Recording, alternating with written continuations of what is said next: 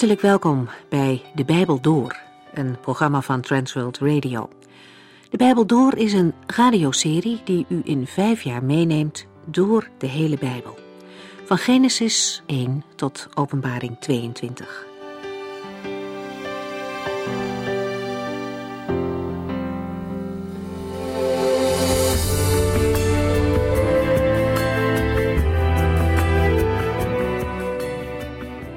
We zijn inmiddels al een paar weken bezig met Matthäus. In het laatste stuk van Matthäus 13 vertelt de Heer Jezus nog drie gelijkenissen. En die vertelt hij alleen aan zijn discipelen. Eentje over een man die een schat in een akker vindt. Hij verkoopt alles wat hij heeft om die akker te kopen, zodat die schat ook van hem is. En in de volgende gelijkenis spreekt de Heer over een koopman die op zoek is naar mooie parels. Toen die man een hele bijzonder mooie parel vond, verkocht hij alles wat hij bezat om die ene parel te kopen. In deze vertelling zien we de Heer Jezus als koopman. Hij verliet de hemel om op aarde mensen vrij te kopen. Hij was rijk, maar hij werd arm ter wille van u en van mij. Hij betaalde met zijn eigen leven om ons het leven terug te geven. Zo kostbaar zijn we voor hem. Parels worden gevormd door schelpdiertjes. Een korrel zand of een ander vreemd materiaal dringt naar binnen in de schelp. Het diertje raakt erdoor beschadigd, scheidt een stof af die het korreltje overdekt. De afscheiding vormt zich tot een prachtige witte parel. De zonde was de indringer die van buitenaf die mensen kapot maakte. Maar de Heer Jezus kwam en liet zich om de wil van de Vader te doen kruisigen om het zondeprobleem op te lossen. Hij nam onze zonde en schuld op zich en zo wordt wie in hem gelooft een nieuw mens, een parel van grote waarde. En dan de laatste gelijkenis, die bevat een ernstige waarschuwing. De Heer vertelt daarin dat de tijd eindig is. Als de tijd stopt, begint de eeuwigheid. Christus zal zijn koninkrijk op de hele aarde vestigen. En dan, dan komt er een scheiding tussen wie bij hem wil horen en wie niet. Voor mensen die niet in hem willen geloven, wacht er een ellendige plaats vol vroeging en verdriet. Dat is geen aangename boodschap. Maar de Heer Jezus noemt het wel. Want mensen kunnen niet willen geloven in een hel, omdat het niet bij hun beeld van God past. Maar daarmee hou je jezelf voor de gek. God wil inderdaad niet dat er iemand verloren gaat. Daarom heeft hij ook zoveel geduld en biedt hij elke dag nog steeds voor ieder mens redding aan. Maar er is wel een voorwaarde aan verbonden. Geloven in de Heer Jezus Christus. Ieder mens die in Jezus gelooft, krijgt het eeuwige leven en zal dus nooit verloren gaan. Het is van levensbelang om in deze genadetijd elke keer weer op Gods aanbod in te gaan.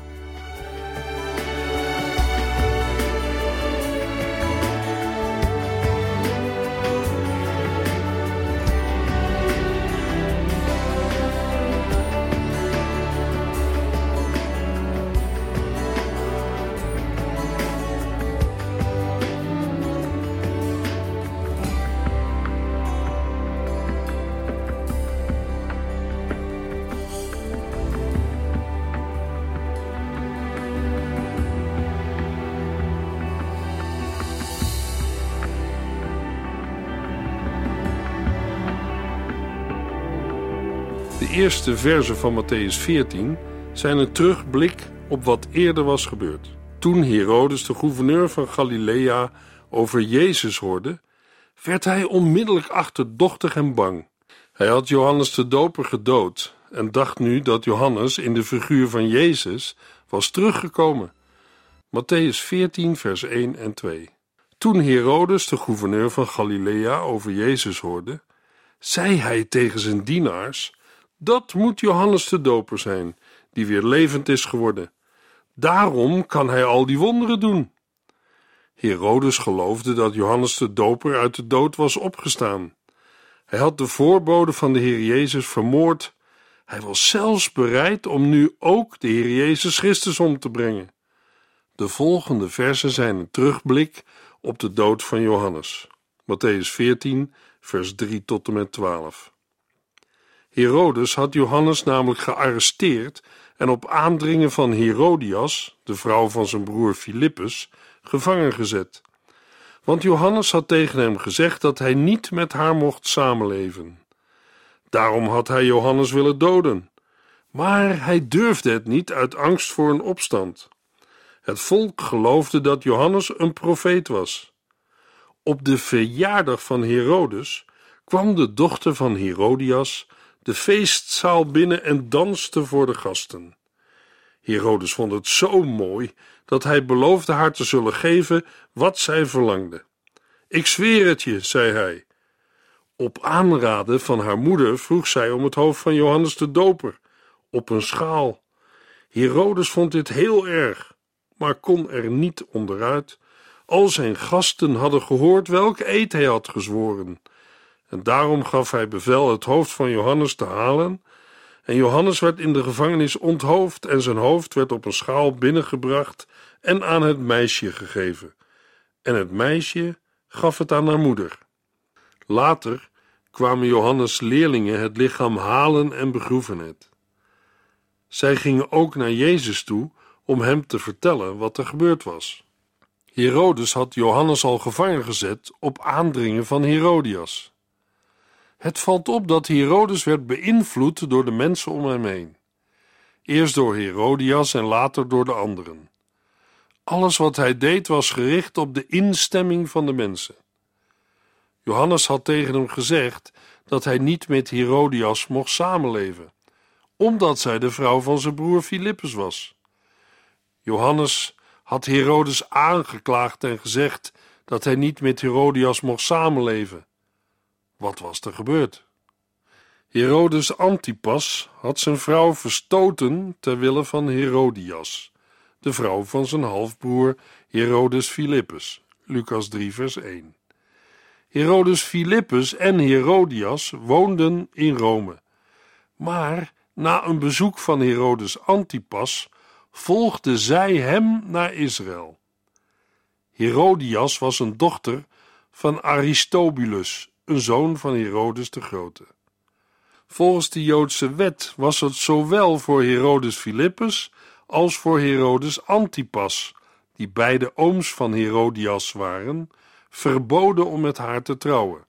Leviticus 18. Verder overtrad Herodes Antipas door deze daad nog twee andere Joodse wetten: het scheiden zonder gegronde reden, Deuteronomium 24, en het trouwen met een schoonzuster, Leviticus 18. Herodes was bang voor de mening van de mensen, omdat de mensen Johannes de Doper voor een profeet hielden. Toen Herodes jarig was, danste de dochter van Herodias voor hem, en dat vond hij prachtig. Hij wilde de dochter van Herodias een geschenk geven en vroeg haar wat ze wilde hebben. Je mag alles vragen. Hij bevestigde het zelfs met een eed. Via haar moeder werd het een wreed en sadistisch geschenk, aangewakkerd door het nemen van wraak op Johannes. Ze vroeg om het hoofd van Johannes. Wat moest Herodes nu doen? Wat zouden zijn gasten denken als hij zijn belofte niet zou nakomen? Johannes de Doper werd onthoofd en zijn hoofd werd op een schaal gegeven aan het meisje. Het laat iets zien van hoe de samenleving er in die dagen uitzag. De menselijke natuur is niet veel veranderd. Ook vandaag komen wellust en moord nog steeds voor. Na deze verschrikkelijke gebeurtenis komen de leerlingen van Johannes zijn lichaam opvragen. Met liefde en respect hebben ze hem begraven. Daarna zijn ze naar de Heer Jezus gegaan om hem te vertellen wat er was gebeurd. Matthäus 14, vers 13 tot en met 21. Bij het horen van dit nieuws stapte Jezus in een boot en ging naar een afgelegen plaats om alleen te zijn. Maar de mensen zagen waar hij naartoe ging, en vanuit de steden liepen ze hem achterna. Toen Jezus terugkwam, stonden al die mensen hem op te wachten. Hij kreeg medelijden met hen en genas allen die ziek waren. Tegen de avond kwamen zijn leerlingen bij hem en zeiden: Het is al lang tijd om te eten en hier is niets te krijgen. Er woont hier niemand. U moet de mensen maar wegsturen, dan kunnen zij naar de dorpen gaan en daar eten kopen. Jezus antwoordde: Dat hoeft niet. Geven jullie hun maar te eten. Hoe dan? vroegen zij. Het enige wat we hebben zijn vijf broden en twee vissen. Breng die maar hier, zei hij. Hij zei tegen de mensen dat ze in het gras moesten gaan zitten. Daarna nam hij de vijf broden en de twee vissen, keek op naar de hemel en dankte God. Hij brak de broden in stukken en gaf deze aan zijn leerlingen. En zij gaven ze weer aan de mensen. Iedereen kon zoveel eten als hij wilde. Er bleef zelfs nog over, twaalf manden vol. Er waren maar liefst vijfduizend mannen, dus vrouwen en kinderen niet meegerekend. De heer Jezus vertrok in een boot naar een eenzame plaats aan de overzijde van het meer. Het was zijn tijd nog niet en de heren die kende Herodes. De angst van Herodes zou tot onbezonnen dingen leiden. Maar de mensen zagen hem vertrekken en volgden langs de oever van het meer. Zij wilden bij hem blijven. Toen de Heer Jezus weer tevoorschijn kwam uit de eenzame plaats, stonden de mensen al op hem te wachten. Opnieuw zien we dat de zieken naar hem worden toegebracht. Hij kreeg medelijden met hen en genas allen die ziek waren. Smiddags hadden de leerlingen hem nog het advies gegeven: Het is al lang tijd om te eten en hier is niets te krijgen en er woont hier niemand. U moet de mensen maar wegsturen. Dan kunnen zij naar de dorpen gaan en daar eten kopen. Maar Jezus zegt: Dat hoeft niet. Geven jullie hun maar te eten. Hoe dan? vroegen zij. Het enige wat we hebben zijn vijf broden en twee vissen. Breng die maar hier, zei hij. En dan gaat er een groot wonder gebeuren. Het wordt als enige wonder in alle vier de evangeliën vermeld. Alleen al dat geeft de grootheid van het wonder aan. Het lijkt erop dat de leerlingen de Heer Jezus gaan vertellen wat hij moet doen. Maar de Heer liet de mensen niet weggaan. Hij zegt: Dat hoeft niet. Geven jullie hun maar te eten. Dat was een opmerkelijk en belangrijk bevel. De Heer Jezus wees hun voorstel om het volk in de dorpen eten te laten kopen af en zei: Geven jullie hun maar te eten. Daarmee worden we herinnerd aan de woorden van Elisa in 2 Koningen 4, vers 42 tot en met 44. De reactie van Gehazi was hetzelfde als van de leerlingen van Jezus. Wat? Moet ik honderd man te eten geven van dit kleine beetje voedsel? Maar Elisa zei: Doe nu maar, want de Heere zegt dat er genoeg is voor iedereen en dat er zelfs nog wat zal overblijven. En wat zeiden de leerlingen van Jezus? Hoe dan? vroegen zij. Het enige wat wij hebben zijn vijf broden en twee vissen. De onmogelijkheid van het verzoek bleek uit het antwoord van de discipelen. Wij hebben maar vijf broden en twee visjes. De heer Jezus deed het wonder. Hij zei: Breng die maar hier. Zijn leerlingen mochten helpen. Zij delen uit en geven weg wat ze zelf van de Heer hebben ontvangen. Ze wisten niet hoeveel ze hadden ontvangen, maar het was ruim genoeg. Na afloop moesten ze constateren: iedereen kon zoveel eten als hij wilde, er bleef zelfs nog over, twaalf manden vol. Men wist niet hoeveel men had, voordat men begon te geven. Laten we nog even stilstaan bij de uitspraak van de leerlingen van Jezus. Wat zeiden zij nadat de heiland hen had gezegd dat zij de mensen te eten moesten geven? Ze vroegen: Hoe dan? Het enige wat we hebben zijn vijf broden en twee vissen. Met zo'n klein beetje gaat dat niet lukken. Vaak vinden we in hedendaagse kerken en gemeenten gelijksoortige situaties. Volgelingen van Jezus die zeggen: Wij kunnen niet helpen. Onze middelen zijn beperkt. We hebben niet veel. We hebben maar vijf broden en twee vissen. Maar wij hebben geestelijk brood om de mensen aan te bieden. Mogelijk stelt het voor het menselijk oog niet veel voor. Ik denk dat wij vandaag hetzelfde antwoord krijgen dat Elisa uitsprak tegen Gehazi. Doe nu maar, want de Heere zegt dat er genoeg is voor iedereen en dat er zelfs nog wat zal overblijven. Luisteraar, ook vandaag behoeven de volgelingen van de Heer Jezus de mensen niet naar huis te sturen. Er is genoeg voor iedereen. Wie dat zegt? De Heere zegt dat er genoeg is. Met alle respect voor hen die zich maatschappelijk en sociaal voor medemensen inzetten. Maar deze zorg en opvang is begonnen bij de kerk en voor een groot gedeelte overgegaan naar de overheid. Maar wij moeten ons realiseren dat de echte oplossingen niet door een overheid of door menselijke bedenkingen tot stand komen. Als er al oplossingen worden gevonden, dan moeten we constateren dat ze vaak tijdelijk zijn en niet blijvend. Laat de kerk van Christus zich bij vernieuwing bezinnen op haar taak in het openbare leven. Laten we een lichtend licht en een zoutend zout zijn en waken dat de kerk geen krachteloos instituut wordt of is. Wij kunnen de behoeften van anderen niet vervullen als Christus niet eerst onze handen heeft gevuld. Jezus zegt: Breng wat je hebt maar hier. Vijf broden en twee vissen. Heb niet de indruk dat het een grote hoeveelheid was. In het Johannesevangelie wordt er de nadruk op gelegd dat het gerstebroden waren. Gerstebrood was het voedsel dat vaak door arme mensen werd gegeten. Johannes 6 vers 9. Het gaat dan om kleine, ronde, platte koeken die in de regel niet werden opengesneden. De vis werd tussen het brood gegeten als bij een moderne sandwich. Met het lunchpakket van één jongen, Johannes 6 vers 9, gaf de Heer Jezus een hele menigte te eten. Interessant is dat Marcus in zijn evangelie beschrijft dat Jezus zijn leerlingen opdraagt dat de mensen in groepen van 50 en 100 moeten gaan zitten. Matthäus 14, vers 19. Hij zei tegen de mensen dat ze in het gras moesten gaan zitten. Daarna nam hij de vijf broden en de twee vissen, keek naar de hemel en dankte God.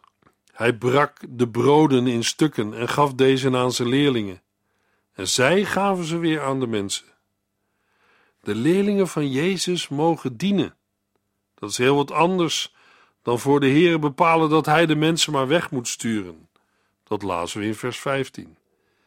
Dienen, dat is ook precies wat discipelen, predikanten, ouderlingen, diakenen, evangelisten en alle andere christenen vandaag moeten doen. Bestaat uw kerk of gemeente uit mensen die willen dienen?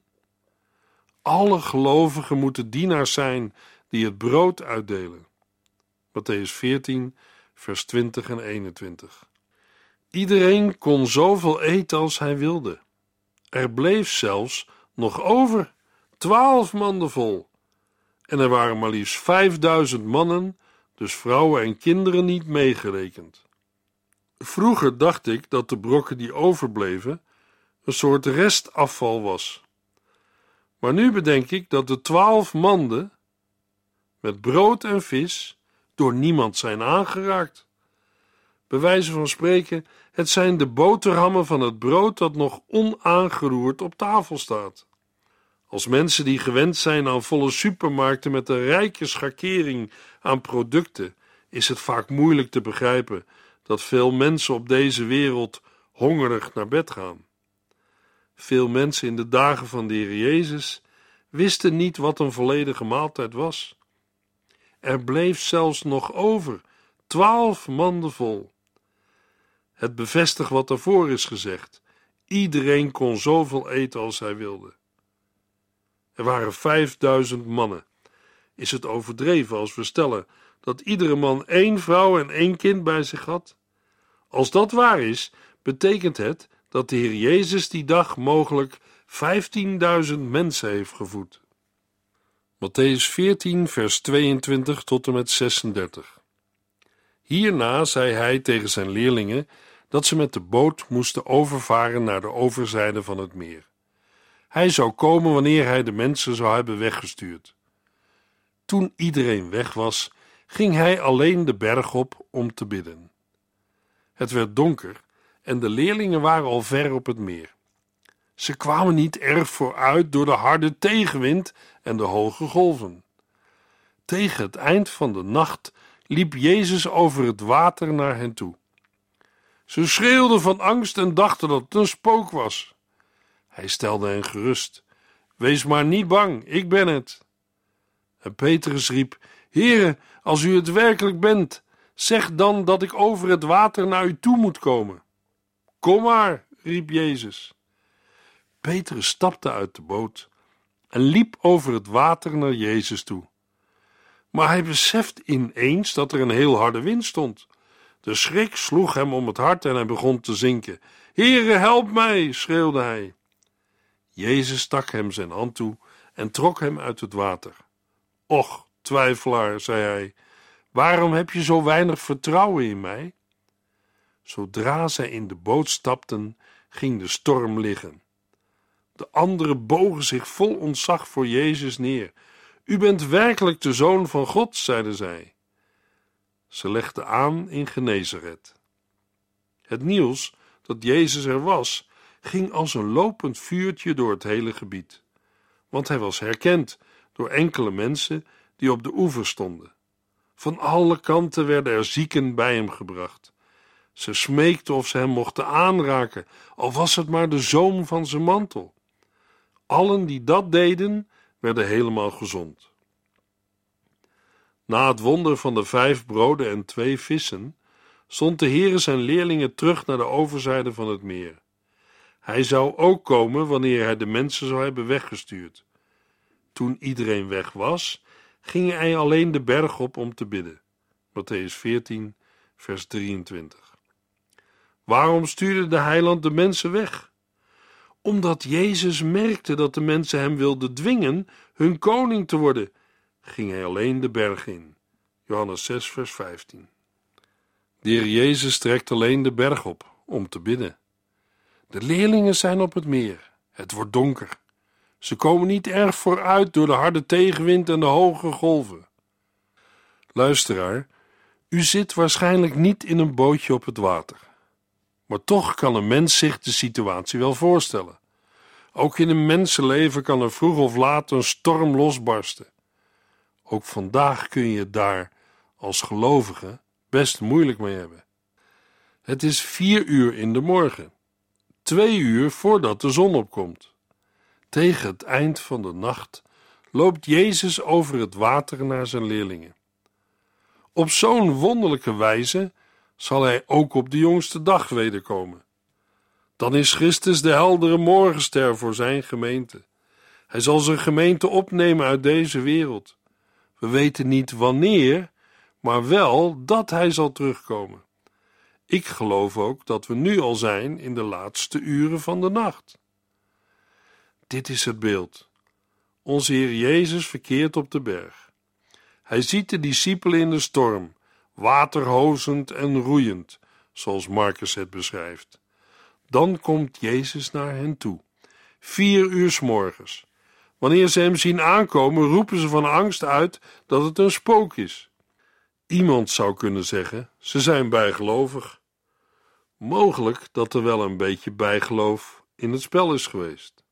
Maar wat zouden wij, u en ik, in zo'n situatie hebben gedacht? Stel u voor, midden in een storm komt er een schim over het water naar je toe. Het blijkt een man te zijn die over het water op je afkomt lopen. Dat was de situatie van de discipelen. Waarschijnlijk hadden ze nog nooit een spook gezien, maar nu denken ze er een te zien. Onmiddellijk spreekt de Heer Jezus zijn leerlingen aan en verzekert hen dat hij geen spook is. Petrus reageert direct en vraagt of hij naar de Heer Jezus toe mag komen. Kom maar, riep Jezus. Petrus stapte uit de boot en liep over het water naar Jezus toe. Matthäus 14, vers 30. Hij keek om zich heen toen hij naar Jezus liep en hij schrok van de harde wind en bad een kort gebed: Heere, help mij! Hij had ook geen tijd om langer te bidden. Matthäus 14, vers 31. Jezus stak hem zijn hand toe en trok hem uit het water. Het geloof van een discipel kan wankelen, maar Christus wankelt nooit. Jezus stak hem zijn hand toe en trok hem uit het water. De Heer Jezus redde eerst en daarna volgt: Waarom heb je zo weinig vertrouwen in mij? Matthäus 14, vers 31. Zodra zij in de boot stapte, ging de wind liggen. Ook hierin openbaarde zich de almacht van de Heer Jezus. De storm stilde toen de les voorbij was. Matthäus 14, vers 33. De anderen bogen zich vol ontzag voor Jezus neer. U bent werkelijk de zoon van God, zeiden zij. Terwijl de leerlingen van Jezus bij de wonderbare spijziging nog niet tot inzicht gekomen waren, Marcus 6, vers 52, kwam het nu wel tot een belijdenis. Tot dan toe hadden alleen God zelf, de duivel en de demonen Jezus de zoon van God genoemd.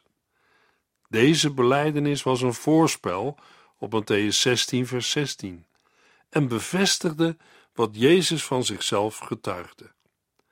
Toch is de uitdrukking Zoon van God hier primair, een uiting van de alles te bovengaande macht van de Messias. Matthäus 14, vers 34 tot en met 36. Ze legde aan in Genezaret. Het nieuws dat Jezus er was, ging als een lopend vuurtje door het hele gebied, want hij was herkend door enkele mensen die op de oever stonden.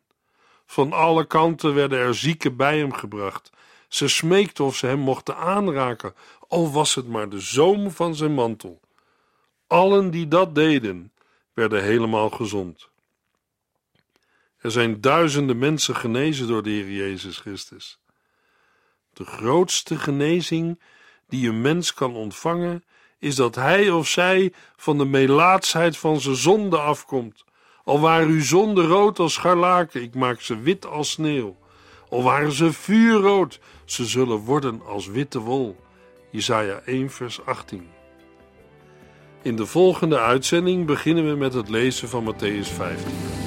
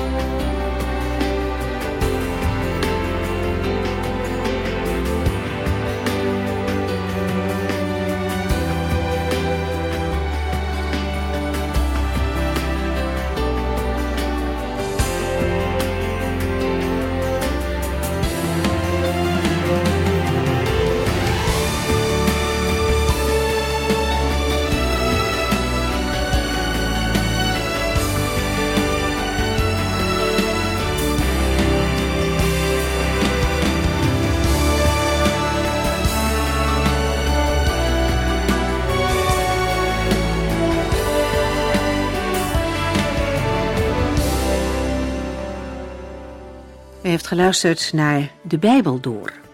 In het Nederlands vertaald en bewerkt door Transworld Radio. Een programma waarin we in vijf jaar tijd de hele Bijbel doorgaan.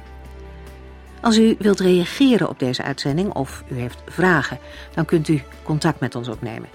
Tijdens kantooruren kunt u bellen op 0342 47 8432. 0342 47 8432. 32. Ook kunt u een e-mail sturen naar de Bijbel door transworldradio.nl en natuurlijk kunt u ook via de post ons bereiken.